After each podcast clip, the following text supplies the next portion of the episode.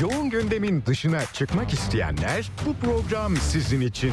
Tiyatrodan sinemaya, seyahat alternatiflerinden modaya, festivallerden konserlere es geçtiğiniz her şey Serhat Sarı Sözen'le gündem dışında. Gündem dışı her pazar 16'da Radyo Sputnik'te. Serhat Sarı Sözen'le gündem dışı devam ediyor.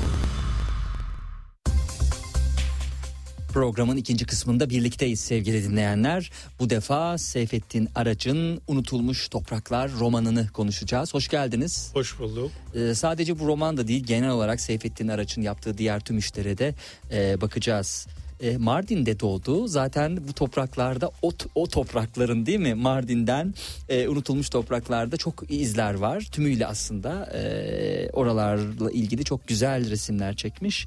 Mazıda yatılı ilköğretim okulunun ardından Diyarbakır'da ortaokulunu e, okuduğunu görüyoruz. Sonra lise bitiyor ve İstanbul'a geliyorsunuz. Bahçeşehir Üniversitesi'nde. Üniversite eğitimim için İstanbul'a gelmiştiniz. Hayır e, İstanbul Mardin arasında yaşıyorduk. Hı hı, hı. Ee, yılın 8 ayı Mardin'de 4 ayı İstanbul'daydık. Hı hı. Ee, üniversite eğitimi için aslında yurt dışına gidecektim ama İstanbul kısmet oldu burada kaldım. Evet, Bahçeşehir Üniversitesi evet. İletişim Fakültesi Radyo, Televizyon ve Sinema bölümünden mezun oldu. 2004 yılında kurduğu şirketler grubunun kurucu başkanlığını sürdürüyor şu an hali hazırda.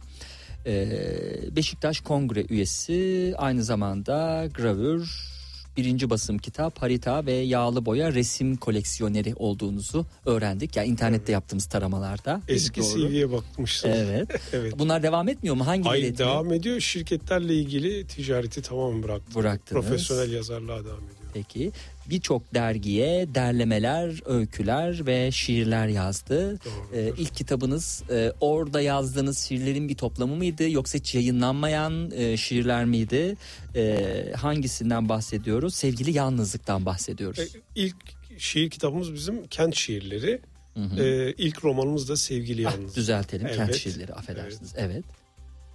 E, aslında dergilerde yayınlanan hiçbir şiirimizi e, ve yazılarımızı, denemelerimizi, öykülerimizi e, çıkardığımız kitaplara koymadık. Hepsini yeni, e, taze taze olanları evet, evet. yayınladık. Aslında editörlerimizin de istediği buydu. Dergilerde daha önce okuyucular zaten okumuşlardır. Biz yeni olanları, çekmecede olanları çıkaralım istediler. Ve kent şiirleri öyle e, çıktı. Ee, son yılların en kalabalık şiir kitaplarından biri oldu. 225 hı hı. sayfa bir şiir kitabı derledik. Hı hı hı. E, tamamen son dönem yazdığım şiirlerden, e, aforizmalardan ve sözlerden oluştu. Evet, Kent Şiirleri kitabı Kent 2020 şiirleri. yılında basılmıştı. Evet. Araya iki roman girdi. Tam e, acaba şiiri bıraktı mı Seyfettin Araç diyecekken e, bir röportajınızda e, dördüncü kitabın yeniden bir şiir kitabı olduğunu evet. olacağını anlıyorum. E, sert ve gerçekçi türde diye tanımlıyorsunuz evet. değil mi? Evet. E, dördüncü gelecek olan şiir kitabının. Şöyle biraz şiir akımının dışında bir şeyler yapmak istedim. Çünkü şiir biliyorsunuz romantizm akımına uyan bir e, tür e, yazı. Ben romantizm akımının dışında biraz daha gerçekçi, sert ve roman tadında bir şiir kitabı olsun istedim. Çünkü bazı köşe yazarları benim e, ilk romanım için içinde şiir kitabı gizli diye söylediler. Bu çok hoşuma gitmişti. Bu defa bir şiir kitabının içinde bir roman gizli olsun istedim. Ve birbiri ardı sıra ardışık 111 şiirden oluşan birbirini tamamlayan e, şiirden oluşan bir e, şiir kitabı çıkarıyoruz. Ama tabii ki e, sert ve gerçekçi bir şiir olsun istiyorum. Çünkü milattan önceki bir aşk hikayesini anlatıyorum. Hmm. Tek aşka odaklandığım bir kitap olacak. Hmm. O da kendi bütün türünde. Şiirler mi? Bütün, bütün şiirler tek bir aşka odaklı. Bir kişinin e, birinci teki şahıs diliyle yazdığım hmm. bir kitap oldu. Hmm. O da e, büyük ihtimalle Ocak ayının başında raflarda olacak. Evet. E, romantik değil dediniz. Genelde biz şairleri hani gerçekçi dediniz. E, genelde biz şairleri romantik biliriz. Ee, ama sizin yazdığınız şiirler romantik olmayacak. En azından Nisan 2024'te çıkacak kitaptan bahsediyorum. Peki siz kendinizi romantik bir şair olarak tanımlar mısınız? Ben romantik değilim, duygusal bir insanım. Çünkü bir, bir tezim var benim. E, romantizmi insanlar duygusallığı Tanrı yarattı diyorum. O yüzden romantizm bana çok uyan bir şey değil. Çok gerçekçi bulmuyorum.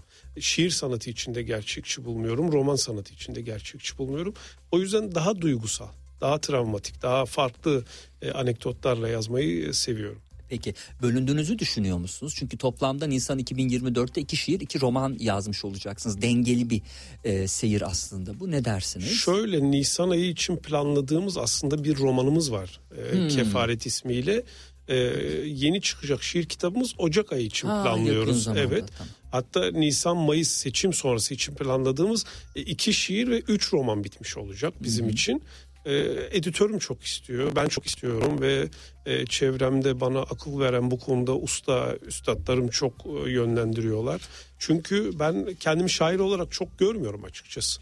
E, biraz daha e, romancı kimliğimin ön plana çıkmasını e, istiyorum.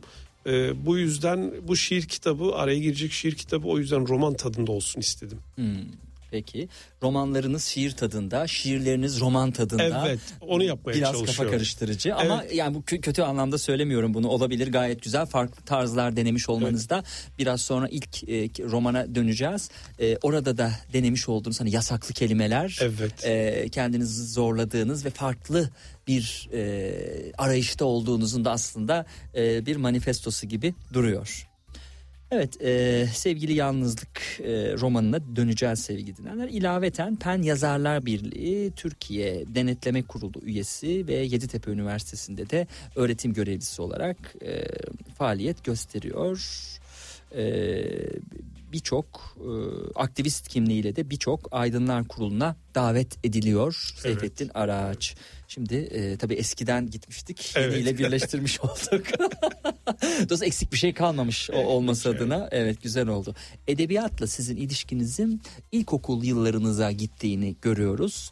E, ki ilkokulda yani Mazı Dağı'nda yatılı olarak okuduğunuz ilkokulda e, her şeyi okuyormuşsunuz. E, orada haftalık edindiğiniz masal ve hit hikaye kitaplarıyla başlamış değil mi? Okumayla olan ilişkiniz.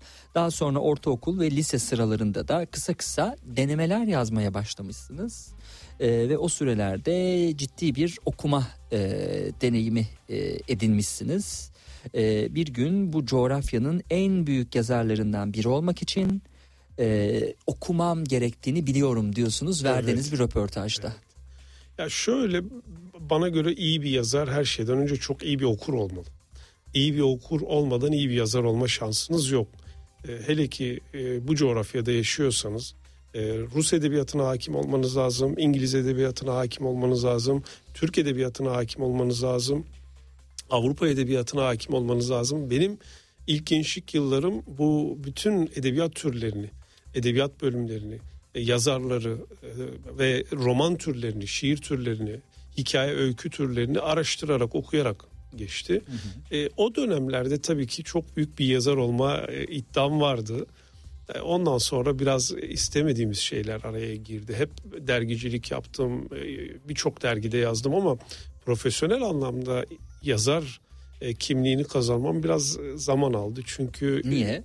E, iş, iş vardı hmm. hep, aile işleri hmm. vardı ve e, o işleri yapma gereksinimi vardı. Aslında gereksinim de denmez pek ama biz e, bir kılıf bu bulmak zorundayız kaçmak için kendimizi başarısız ya da korku korktu dememek için e, korkak dememek için e, o dönem iş yüzünden biraz e, ticarete devam etmek zorunda kaldım ve kendi işlerimizi yaptım ama her zaman edebiyat vardı edebiyattan hiçbir zaman kopmadım e, çok iyi dergilerde yazdım. Çok güzel dergilerde yazdım. Üniversite yıllarından başlamıştım. Tabii tabii üniversite yıllarında. Dergilerde yazmadım. Evet üniversite yıllarında başladım.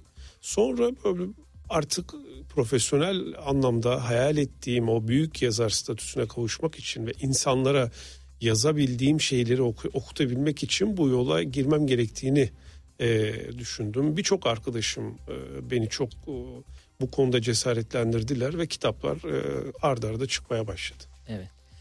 Kim iyi edebiyat yapabilir sizce? Bunu bir röportajınızdan yine e, evet. alarak e, aktarıyorum, soruyorum. E, normalde hani bu konuklara sorduğum böyle hani klasik bunu size yazmaya iten neydi, başucu kitabınız neydi gibi klasik sorularım yok podcastlere baktıysanız. E, burada diyorsunuz ki e, iyi bir romancı olmanızı sağlayabilir. Nedir? Çok araştırma, çok okuma sizi iyi bir edebiyatçı yapabilir ama iyi bir romancı olmanızı sağlamayabilir. E, fakat hayatın içinden geliyorsanız, yaşamın tüm kaynaklarından arınıp çıkmışsanız, insanlarla insan gibi iletişim kurup, insanları insan gibi görüp karşılığında insanlık görmüşseniz, acılar yaşamış, acılar görmüş, acılar tatmışsanız iyi bir romancı kimliğinizle pekiştirip güzel eserler yaratmak artık zor değildir diye sürdürdüğü metinler. Evet. evet. Cümlelerde. Şöyle bence hayatın içinden geliyorsanız iyi bir yazar olabilirsiniz. Ama yine hmm. ilk iddiamda duruyorum. İyi bir okuyucu olmanız gerekiyor. Hayatın içinden geliyor olmanız gerekiyor ve hikayelerinizin olması lazım. Yaşadıklarınız, gördükleriniz, duyduklarınız bunlar çok önemli. Birçok insan çok kötü şeyler, acılar ya da travmalar yaşıyor ama bunu kağıda dökebilmek sanat. Hı hı, hı. Biz bu sanatı gerçekleştirebilen kalemler ya da yazarlar biraz hayatın e, içinden geldiğimiz için şanslıyız. Bunu kağıda dökebildiğimiz için şanslıyız ve bunu sevdiğimiz için şanslıyız. Yani bana en çok sorulan röportajlarda ya da gittiğim konferanslarda en çok sorulan soru neden edebiyat? Hmm. Başka çarem yok. Ben yazarak anlatabiliyorum. Hmm. Başkası konuşarak anlatabiliyor. Başkası film çekerek anlatıyor. Biri belgesel çekerek anlatıyor. Biri şiir yazarak anlatıyor. Biri roman yazarak anlatıyor. Biri köşesinde köşe yazısı yazarak anlatıyor. Ee, ben kimi tiyatro oyunu yazarak anlatıyor. Kimi oynayarak anlatıyor. Ben romancı kimliğim ve şair kimliğimle yazarak anlatabilen insanlardanım. Hı hı. O yüzden elimdeki tek e, zenginliğim bu. Tek Ama maharet. zenginliğinizin de maşallahı var yani daha ne olsun dedirtecek bir zenginlik sonuç olarak. Ediyorum. Ee, peki e, ilgili kısımda benim doğru mu anlamışım? Şimdi siz e, unutulmuş topraklarda bir Mardin tabii ki evet. e, damgası var. E, Mardin'de birçok kişinin e, oraya gitmiş belki birkaç günlüğüne gitmiş görmüş. Aa ne güzel demiş ben burayla bir ilgili bir roman yazarım demiş. Bir köy romanı yazmaya çalışmış diyelim ki. E, kişinin aslında o yazdığı roman değil mi sizin düşüncenizle çok iyi olmayabilir. Çünkü o toprakları acaba ne kadar yansıtacak? Yani işte birkaç günlük bir görmeyle bir Mardin yazma ya da bir köy yazma edebiyat ne kadar iyi olursa olsun ne sizi o kitabın romanın kapağını kapattırır ve daha okutmaz? Şöyle düşünün. Çok her... iyi bir sanat sergilendiğini düşünelim. Kesinlikle. Şöyle düşünün. E, Yaşar Kemal İnce Mehmet'i yazdığı zaman yıllarca Çukurova'daydı. Çukurova'nın hmm. çocuğuydu. Orada büyümüştü. Orada dizi parçalanmıştı. İşte gözü gözünü kaybetmişti, attan düşmüştü, dayak yemişti, acı yaşamıştı, mutlu olmuştu. E, karnı orada doymuştu, orada hmm. aç kalmıştı. Ama Yaşar Kemal dışında örnek söylüyorum. Sabahattin Ali çok büyük bir yazar ama hmm. Sabahattin Ali e, gidip de e, Torosları yazamazdı. Hmm. Yazardı ama hasbel kader yazardı. Ne kadar iyi bir yazar olursanız olun ben mesela unut, unutulmuş topraklar e, Türkiye'de yine daha önce yazılmamış bir türde yazdığım bir roman. Yani hem narrator tanrı anlatıcı diliyle yazdım hem de birinci teki şahıs diliyle yazdım. Hı hı. iki farklı girişi olan ve iki farklı finali olan bir roman. Hı hı. Bunu yaparken ben eğer Mardin'de çocukluğu, ilk gençlik yılları geçmemiş bir insan olarak yazmış olsaydım inanın çok e, eksik kalırdı. Hı. Zürih'i anlatıyorum. Girişte Zürih'te gireceğim. Bir, evet. Gireceğim. Orayı unutmayın peki. lütfen. Ee, peki. Ee, oraları görmek lazım diyorsunuz. E tabii bu bir yazar olarak hani e, sizin görüşünüz dinleyiciler katılır katılmaz. Çünkü bundan şöyle bir şey çıkabilir. Yani Yaşar Kemal e, oralarda hiç yaşamasaydı da acaba hani o sanatıyla, hayal gücüyle bu gözlemlerini yansıtsaydı muhtemelen çelişkiler olurdu, hatalar olurdu. Ama yine iyi bir kitap çıkarırdı. E, çıkardı ama hani kapattırır mıydı kapağı? O farklı görüşler verilebilir. Hani sizin görüşünüz çok değerli konuk olarak o yüzden itibar edilmesi gereken bir görüş. E, ama hani farklı görüşler de olabilir tabii ki. E, kurgu olduğu için çünkü. Sevgili yalnızlığa gidelim. Hemen biz İsviçre'ye götürmeyin. Ee, tamam. gidelim adım adım. Çünkü o da çok değerli bir e, çalışma. Başta şiir kitabı diye bir dilim suçtu ama e, sonra toparladık. Evet. Bir kadın ve bir erkek var. Değil mi? Likos ve Tidu. Ee, onunla tanışıyoruz bu romanda ve yine İstanbul'da bir adadayız. Likos iflah olmaz bir hayalperest. Tidu ise bunun tam tersi bir gerçekçi sanki bir düşün içindeler. Zamansızlığın yarattığı bir zaman boşluğunun içinde uzun uzun sohbetler ediyorlar. E, düş olmayabilir bu. E, hepsi gerçek de olabilir. E, bu sevgili yalnızlıkta. Evet. Aslında kitaba baktığımız zaman e, kitabın e, romanın bir monolog, monodiyalog şeklinde ilerlediğini görüyoruz. İki karakter ütopik bir zamanda e, karşılıklı konuşuyorlar. Yasaklı kelimeleri biraz sonra gelelim. Tamam. Sadece bu kapsamda e, romanı konuşursak yani monodiyalog e, oluşunu, e, monolog oluşunu konuşursak e, bu kitapla ilgili neler söylersiniz? Şöyle ben İddialı bir ilk roman bu. tabii ki e, cümleye başlarken şöyle söyleyeyim. Çok sevdiğim bir insan bana şey söylemişti. Demişti ki e, sevgili yalnızlık aslında senin kült romanın ve son romanın olmalıydı. Hmm. Yani ilk roman için çok iddialı bir, e, bir giriş E, ve ben çok etkilendim tabii bu söylemden. Ondan sonra ben sevgili yalnızlığı tek cilt için yazmadım. Üç cilt aslında. Hmm. Sevgili yalnızlık, sevgili delilik ve sevgili yoksunluk diye geliyor. Yani diğer e, çalışmalarım da var şu anda. Onları da 2000 Başta planlandı mı yoksa çok ilgi çektiği için mi sonra 2 ve 3 aslında tasarlandı? aslında ben bunu iki cilt olarak yazmıştım. Yayın evim tek cilt olarak basmayı ve kısaltmayı uygun gördü. Sonra çok ilgi gördü. Aşırı derecede benim düşündüğümün de üstünde ilgi gördü. Ve şöyle ilk roman için çok e, ilgi gördü. Se- Sevgili Yalnızlık Türk edebiyat tarihinde bir ilk roman. Çünkü monolog, monodiyalog türde yazılan bir ilk roman. Sebebi de ben bunu aslında bu romanı tiyatro oyunu olarak yazdım. Tiyatro oyunu olarak yazdım. Hatta sahnelenmesi için de bir e, özel bir grupla günler süren bir toplantı, topla- toplantılar silsilesi yaptık. Oturduk e, ve fakat olmadı. istediğimiz gibi olmadı. Sonra ben bunu e, romana çevirmek istedim romana çevirmem de biraz zamanımı aldı. Yani neredeyse iki yıla yakın zamanımı aldı. Sevgili Yalnızlık çok zor bir roman. E, hangi çağda geçtiğini bilmiyoruz. E, hangi döneme ait olduğunu bilmiyoruz. E, sizin de bahsettiğiniz gibi birazdan geleceğimiz nokta yasaklı kelimeler olan o yasaklı kelimeleri söylediğinde kendini kaybedecek bir karakterimiz var. Ütopik Evet. karakterler bunlar. Evet, değil mi? Aslında e, bu Adem ve Havva'nın da kovuluşuna da bir Bizzati, gönderme değil mi? kesinlikle, evet. O yasaklı kelimeleri kullandığınız zaman e, Evet. bambaşka şeyler olacak. Aldığım notlara baktığım zaman bambaşka olacak şeyler ne? Birbirlerini kaybedecekler. Öyle oluyor evet. Çünkü o o kelimeler onlar için çok önemli ve e, şöyle düşünün ben Likos'u ve Tido'yu yaratırken e, tamamen kurgusal bir roman oldu. E, Likos biliyorsunuz İstanbul'un ilk ismi. ilk adı. E, Tido Mardin'in ilk adı. Likos İstanbul'un ilk adı, Tido Mardin'in ilk adı. Ve şöyle bir şöyle bir durum oluştu. E, in- ben bunları yaratırken İstanbul için biliyorsunuz acılar kraliçesi der eski şairler. E, tam bir kadın figürüdür e, İstanbul.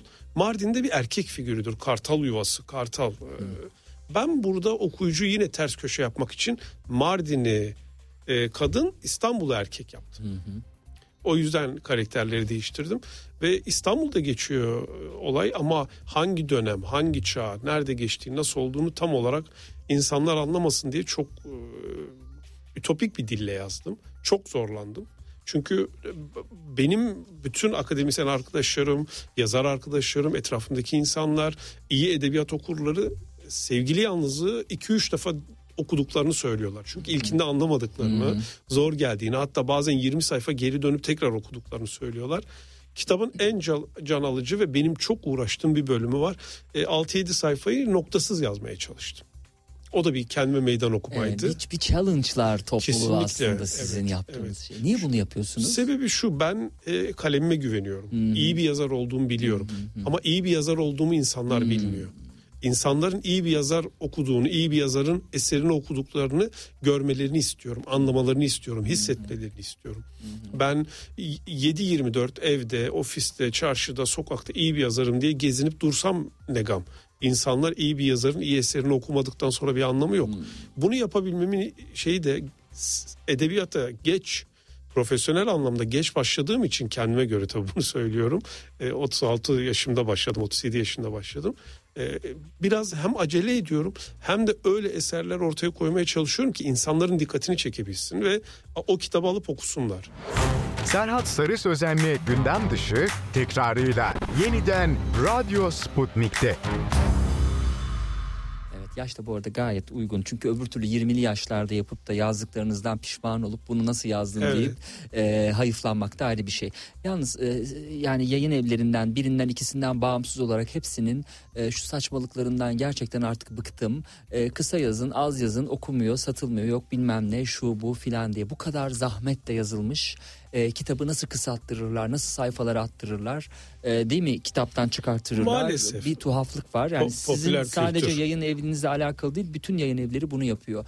Bu yayın evleri bu kafayla e, hani Rusya'da olsaydı eğer Dostoyevski'nin olduğu dönemlerde, Tolstoy'un olduğu dönemlerde bunlar bu kafayla hayatta e, ne suç ve cezayı bu kadar kalın yaptırırlardı. İncecik 150 sayfalık suç ve ceza olurdu. Ne savaş ve barış bu kadar uzun olurdu. Ne Anna Karenina bu kadar uzun olurdu. Allah'tan bunlar e, dönemin Rusya'sında ya da Fransa'sında o klasiklerin yazıldığı dönemlerde yayıncılık yapmamışlar da hani oraya burunlarını sokmamışlar da bu zaman olmuş da en azından e, çok fazla etkilenmemişiz. Burada bir parantez açayım. Peki. Ben de bir şeyler söylemek istiyorum. Ben e, iyi ki 20-30 yıl önce de bu yayıncılar yoktu. Yoksa tutunamayanlar da yayınlanamazdı. bir gün tek başına da yayınlanamazdı. E, düşünsenize Vedat Türk Ali'yi okuyamayacaktık belki de. Oğuz Atay'ı okuyamayacaktık belki de. Diyecekler İnce Mehmetleri de okuyamayacaktık. at. Yani atılacak şey mi o her bir sayfası Kesinlikle. paha biçilemez bunların. Ya şöyle düşünün. Ben günlerce yayın evimle tartıştım. Türkiye'nin en büyük yayın evi. Günlerce tartıştım. Yani şunu anlatabilirim. Seyfettin bu okunmaz.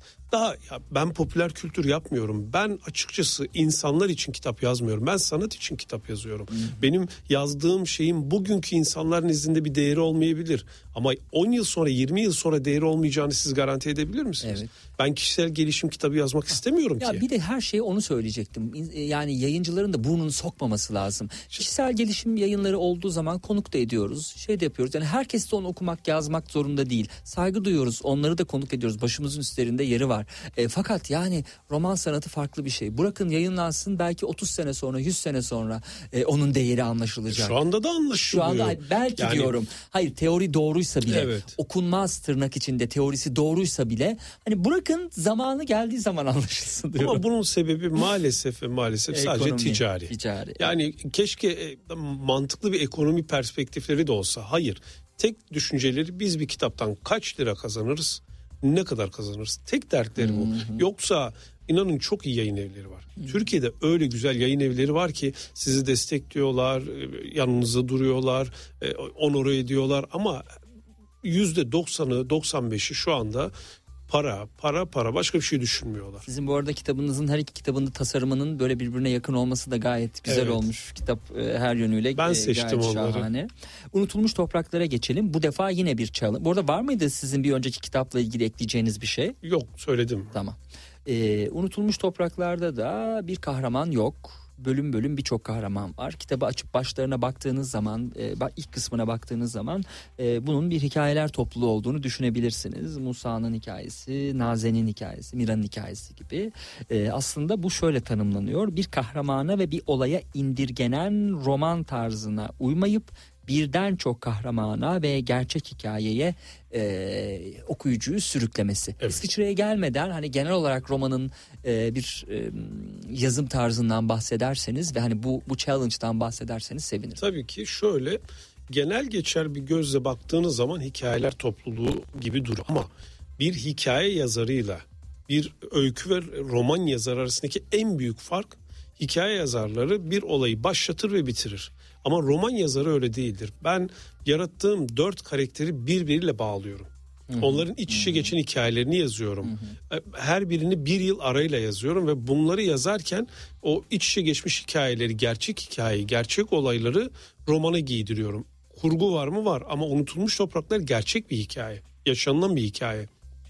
O yüzden e, bölüm bölüm yazmak zorundaydım. Yani Mira'nın hikayesi başka, Hı hı. Civan'ın hikayesi başka, Nazir'in hikayesi Kesişiyor başka ama, evet. ama iç içeler. Evet. İsviçre'deyiz. Evet. Kitabın başı itibariyle Miran yanında Vilma ile çıkıyor karşımıza. Ee, kafasında da bir dünya düşünceyle tabii Evet. bunları e, bir monolog şeklinde okuyucuya sunuyor. Sonra telefonu çalıyor. Ee, arayan Musa değil mi? Musa'nın Evet. telefonuyla Miran e, bavulunu toplayıp Zürih'ten Mardin'e gitmek durumunda kalacak. Kalacak. Başı böyle bu şekilde. Musa sadece Naze diyebilmiştir. Başka da bir şey demez telefonda. Fakat bu e, Miran için fazlasıyla yeterlidir. Yeterlidir. Apar topar e, kendisini toplama bağlamında. Kitapta dört bölüm, bölüm var. E, sayfa 21'de Civan'ın hikayesiyle başlamak istiyorum. E, bu arada her bir bölüm farklı renklerle karşımıza çıkıyor. Gen- Genelde siyah beyazdır ama bu da bir zahmet. Evet. E, renkler ne anlatacak okuyucuya? Renkler o karakterin yaşadığı Hmm. acıyı ve onunla özdeşleşen rengi vermeye Hmm. çalıştık. Civan kanla başlıyor, kırmızıyla başlattık. Evet. Bakalım e, bu e, sevgili basın ile kısım yani yazarın kanla başlıyor dediği kısım e, nasıl başlayacak? Babası öldürüldüğünde Civan 5 yaşındaydı. Sonrasında hayatı boyunca bir daha mutlu olamadı. Güneydoğu'da zamanın en karışık, savaşın ve kıyımın en azgın olduğu fali meçhul cinayetlerin ayyuka çıktığı 80'li yılların sonu 90'lı yılların başıydı her yerin ölümle, acıyla sınandığı, insanların ortalardan kaybolduğu, cesetlerin kuyulardan, mağaralardan, toplu mezarlardan toplandığı, açlığın, sefaletin, çaresizliğin, korkunun kol gezdiği, devletin, sistemin, hukukun olmadığı bir dönemde kimsenin neden, ne sebeple olduğunu anlamadığı bir şekilde Civan'ın babası Azmi öldürüldü. Bu şekilde bir başlangıç. Biraz uzun bir giriş. Hı hı. Yerinde dozunda bir giriş aslında. Evet ayrı bir bölüm değil ama Azmi'nin hikayesinde yine devamında var. Yani Azmi'nin hikayesi denebilirmiş ama aslında Civan'la çok bağlantılı olduğu için oradan devam ediyor. Komşu köylüler ve kendi köy sakinleri gibi hayvancılık, çiftçilik işleri yapan Azmi biraz mecburiyetten biraz da parasızlıktan ama en çok da içinden çıkamadığı çaresiz korkudan askerlerin kibarca e, önermekten ziyade bariz şekilde zorladığı, direttiği koruculuk işini kabul etti köylerindeki diğer tüm erkekler gibi eline silah alıp devlet için örgütle çatışmaya, gerekirse dağlarda savaşmaya karar veren Azmi daha ilk maaşını bile alamadan bir akşam köyün arka tarafında üzüm bağlarının iç kısmında vahşice öldürüldü diye sürdürdüğü metinlerde. Bu da Azmi'nin kısa hikayesi ama sonra e, şeyde geziyoruz zaten her iki kesişen hikayede de geziyoruz. Buradan Civan'ın hikayesiyle sözü size bırakmış olayım. Civan bizim aslında baş karakterlerimizden biriydi. Ee, isimleri değiştirmek zorunda kaldım. Ee, maalesef izin alamadığımız için. Civan 5 yaşında babasını kaybediyor. Ve hikaye öyle başlıyor. Çünkü köylerinde okul yok. O kısma isterseniz gelelim. Oradan Evet. devam edersiniz. Köyde okul yoktu, sağlık ocağı yoktu. Bakın saniyesinde buluyorum ilk kısmı. Ee, elektrik yoktu, su yoktu ama alabildiğine fakirlik ve acı vardı. Köyün girişinde küçük bir göl, gölün etrafında küçük küçük taşlar vardı. O gölden hayvanlar da en az insanlar kadar faydalanıyordu. Köylü kadınların çamaşır yıkadıkları, yün yıkadıkları, çobanların hayvanlarını geçindirdikleri, geçirdikleri, e, su içirdikleri o küçük göl yaşam kaynağıydı diye sürdürdü metinde. Evet. Fakirliğin ve sefaletin kol gezdiği bir dönemden bahsediyoruz. Darbe dönemi hala izlerini hissettiriyor insanlar üzerinde ve Civan e, bir köylü çocuğu olarak babasını çiftçi bir e, ailenin oğlu olarak babasını bir gece kaybediyor. Ve gerçekten hayat boyunca bir daha mutlu olmuyor. Hiçbir şey bir daha babasının yarattığı o derin boşluğu dolduramıyor. E, romanda vermeye çalıştığımız şey oydu aslında. Hiçbir şey onu mutlu etmiyor. Akranlarından daha zeki olması ya da akıllı olması ya da işte e, Türkçe biliyor olması, avantajları olması hiçbir şey onu mutlu etmiyor. E, en nihayetinde de zaten finalde nasıl mutsuzluğa gömüldüğünü çok uzun cümlelerle Hmm, okuyucuya evet. vermeye çalıştım. Evet evet.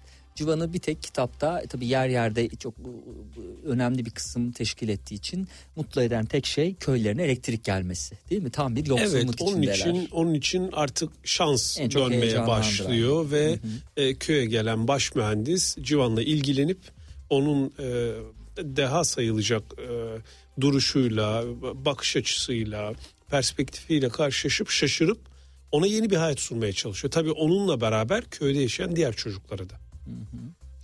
Ee, tabii elektrik gelmesini özellikle o mühendiste yollarının kesişmesi anlamında önemli olduğu için vurgulamak istedim. Ee, şimdi sayfa 126 okulun diye başlayan kısma e, götüreceğiz e, okuyucuyu. Okula alışma ve okul kuralları kısmında okulun ara döneminde e, gelen dolayısıyla eğitim öğretime geç katılan bu köy çocuklarını okula adapte etmek epey zor olacağı benziyordu. Öyle ki üst sınıfların derslerine girdikleri için bu çocukların eğitimiyle doğrudan ilgili olmayan öğretmenler bile tartışmaya katılıyordu. İşte tam olarak aslında başta söylediğimiz hani oraları bilmeyen kişi değil mi? Hani elektriğin olmadığını bilemez. Çocukların okulu bile olmadığını bilemez. Su olmadığını bilemez. Canlandıramaz. Hani kurgu dünyasında bambaşka bir şey yaratılabilir. O da çok değerli. O ayrı. Ama hani gerçekçi bir şey yazıyorsak, gerçek hikayeden yola çıkıyorsak o detaylara hakim oluyor olmak gerekiyor. Hakim, hakim olmak, olmak gerekiyor. Evet. Gerekiyor. Ben de o sıralardaydım. Ben de o okulda okudum. Ben de o sefaleti, açlığı biri bir. Tabii ki akranlarıma göre gerçekten çok şanslı bir çocukluk geçirdim ama e, derin travmalar yaşadığımız okul döneminde yeni gelen, gelen öğrencilerin yaşadığı zorlukları birebir gördüm. E, askeri kamp gibi düşünün, bir askeri gibi düşünün ama bu e, askeriyede çocuklar 18-19 yaşında asker ocağına gelen çocuklar değil. Hı hı. İlkokula başlayacak ve bir kelime Türkçe bilmeden 6 yaşında e, annesinin kucağından e, çıkarılıp okula bırakılan ve orada artık askeri düzenle, askeri sistemle yaşamaya çalışan çocuklar e, toplamından bahsediyoruz. Hı hı. E, anlattığımız zaman evreni neydi? 80'li yılların ortası. 80'li yılların ortası. Şimdi Mira'nın hikayesine geldiğimiz zaman yine 80 bu defa yine 80'lerdeyiz ama 87 yılının soğuk bir Şubat akşamındayız. E, zifiri karanlık 43 haneli köyün üzerine erken çökmüş. Askerden özellikle kolodan ve silahlı örgütten korkan köy halkı erkenden eve kapanmıştı. Son iki yıldır silahlı örgüt ve askerler arasında arafta kalan çaresiz, yorgun, bıkkın halk artık neredeyse nefes alamayacak durumdaydı. Etrafta en ufak bir çıtırtı, karanlığı delen tek bir ses yoktu. Dışarıda sadece hayvanlar, ağaçlar, taşlar, tarlalar kalmıştı. Sert rüzgar soğuk havayı kapı altlarından, pencere pervazlarından e, içeri gürültüyle püskürtüyordu. Köylüler kapılarına sıkı sıkıyı kapatmış, ahırlarını kilitlemiş, kadınlar doğru düzgün yemek yemeden, yorgunluklarını atamadan çocuklarını doyurmuş, sonra uykuya yatmışlardı. Köy sonsuz bir karanlığa, ürpertici ve dipsiz bir sessizliğe gömülmüştü. Dışarıdan sorsak, e, dışarıda sarsak sarsak gezen köpekler de suskunluğu e, ayak uydurmuştu. Teyakkuzda olmanın nasıl bir his olduğunu uzun zamandır çoluk çocuk herkes öğrenmişti. 7 yaşındaki çocuk da 70 yaşındaki yaşlı da olaylardan bir an önce e, olayların bir an önce son bulması için dua ediyor. Geceleri kabuslardan uyanıp uykusuzluğa teslim oluyorlardı. Kaldı ki dua etmek ve uyumak dışında ellerinden gelen pek de bir şey yoktu. Gündüzleri tarlada, bağda, bahçede çalışarak hayvanları mereye çıkararak bir şekilde e, yaşananları unutup az da olsa nefes alıyorlardı ama bu kışta kıyamette işte yoktu. İnsancıklar karanlık basar basmaz evlerine çekilip pencerelerin önüne monte ettikleri demir panjurları kapattıkları anda mahpuslar gibi hapis hayatı başlıyordu diye resmettiği evet. e, bu metinlerde. Kasvetli bir değil mi? Kasvetli ama Mardin, gerçek. gerçek. Yani evet. onu hatta birçok yeri yumuşatmak zorunda kaldım. Hı hı. E, editörüm çok eleştirdi. Çok çok sevdiğim, çok değerli bir editörle çalıştık. E, kendisi bazı noktalarda beni çok sert e, ve çok vurucu e, bölümler e, yazmakla suçladı. Ben tabii ki olanı yazdım. Hı hı. Bir edebiyatçı olarak elbette ki biraz e, abartma sanatını kullanmış olabilirim. Ama bu e, inanın yazdığım gerçeklerin yüzde beş onu kadar bile değildir. Hı hı. E, insanlar okudukları zaman kendilerini orada 1987 yılının hı hı. Şubat'ında o soğukta o köyde e, o panjurları, demir panjurları kilitlenmiş, kapıları kilitlenmiş ve elektrikleri olmayan köyün içinde o odalarda kendilerini hissetsinler istedim. Ve birçok e, gelen tepki, gelen okuyucu yorumlarında da buna ulaştığımı, e, bunu başardığımı görüyorum, hissediyorum. Bu da bir yazar için çok onur verici bir durum. Hı hı. E, o yüzden bu roman için söylüyorum sadece e, unutulmuş toprakları ortaokul sıralarında oturan öğrenciler de okuyabilsin diye hem biraz yumuşattım hem de dilini çok naif ve çok sade bir dile evrilttim. Buna rağmen. Çünkü evet. Editörünüzden sonra mı yaptınız bunu yoksa Yok, bu editörün evrilmiş en hali son editörden geçer. Biz yaz yani taslağı veririz ve 3 okuma provasından sonra artık bizden çıkar. Ama şöyle düşünün e, sevgili yalnızlıkla e, unutulmuş topraklar arasında neredeyse 90 derece bir yazı stili farkı var. Ben okuyucuya şunu da vermek istedim. Ben istediğim türde yazabilirim. Okuyucunun karar verdiği nokta değil, benim karar verdiğim nokta çok önemli. Ben sadece unutulmuş topraklar için bu dili seçtim ve bu yumuşak, naif dilde devam ettim. Bundan sonra çıkacak romanlarımın hiçbiri bu sadelikte ve incelikte olmayacak. Hepsi yine sevgili yalnızlık tadında ağdalı, sert ve e, okunması zor romanlar olacak. Çünkü ben yazarken zorlanmak istiyorum. İnsanlar da okuyucular da okurken zorlansınlar istiyorum. Yani gerçek edebiyatı en azından benim kitaplarımda görsünler istiyorum. Evet, bunu şu sözlerle de aktarıyor bu röportajında. Günümüz edebiyat dünyasından sıyrılan bir tarz yaratma gayretinde konuğum salt edebiyat, gerçek edebiyat yaparak bu sanatı ayakta tutma gibi de bir gayem var diye sürdürüyor. Popüler kültüre, iş kitaplarına, kişisel gelişim saçmalıklarına teslim edilmeyecek bir alanda veriyorum bu savaşı.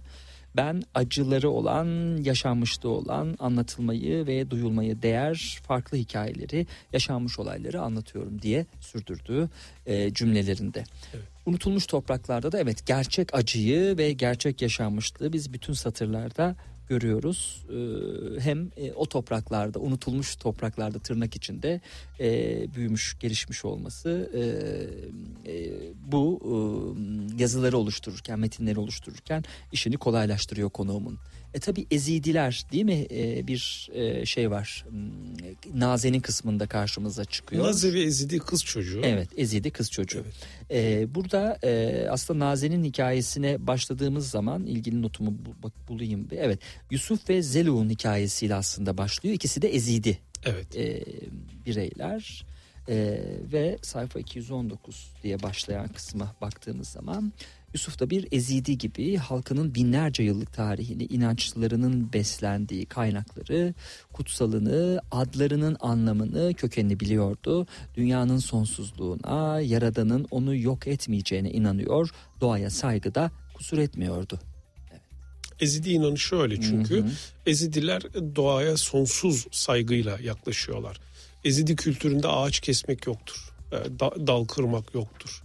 E, Ezidi inanışında e, doğanın hiçbir e, zerresine zarar verme gibi bir düşünce yoktur. Ezidiler e, tarih boyunca belki de bu coğrafyanın görmüş olduğu en hümanist e, bireyleri ve topluluğudur.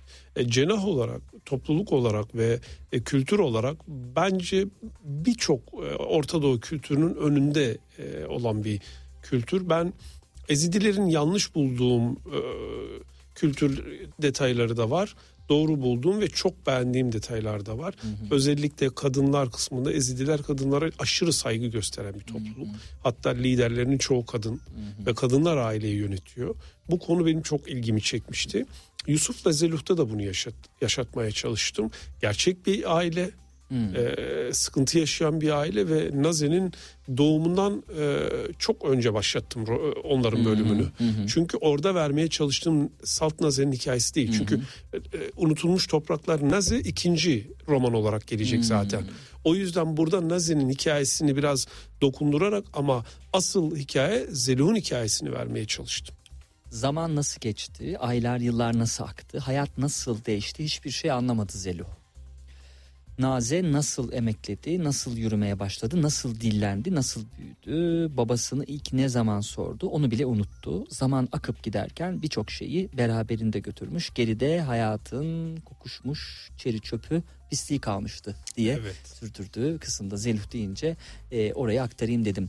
E, sevgili dinleyenler Seyfettin Araç'ın e, Araç'ın Unutulmuş Topraklar romanının metinlerinde dolaşıyoruz. E, ilk defa e, stüdyoda e, ilk defa programımıza daha doğrusu konuk olduğu için hem onun metinleri hakkında da fikir sahibi olabilelim diye bol bol da e, bu metinlerden e, size aktarım yapıyorum. Evet zor değil mi?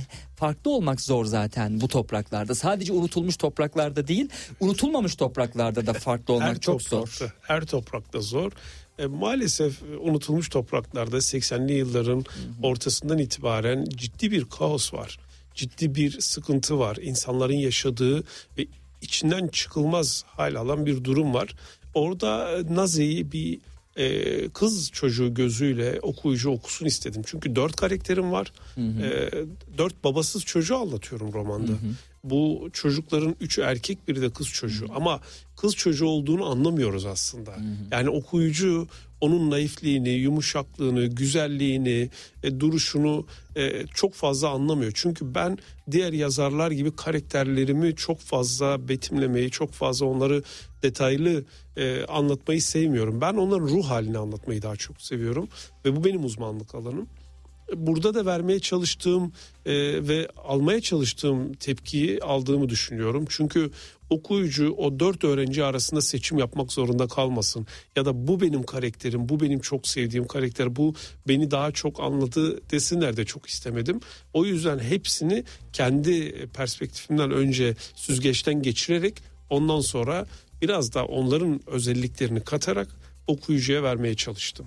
Masalı olmayan bir halkın çocukları olmak, sevgili dinleyenler, büyümek, e, çocuklar doğurmak, onları masalsız büyütmek, kimliğinden, inanışından korkmak, unutulmuş topraklarla alışılagelmiş bir şeydi. Tüm azınlıklar gibi Ezidiler de bu acıdan ve yabancılaşmadan paylarına düşeni yüzyıllardır alıyorlardı diye sürdürecek tırnak içinde tabii. Böyle kendi cümlelerim gibi oldu araya sevgili dinleyiciler deyince.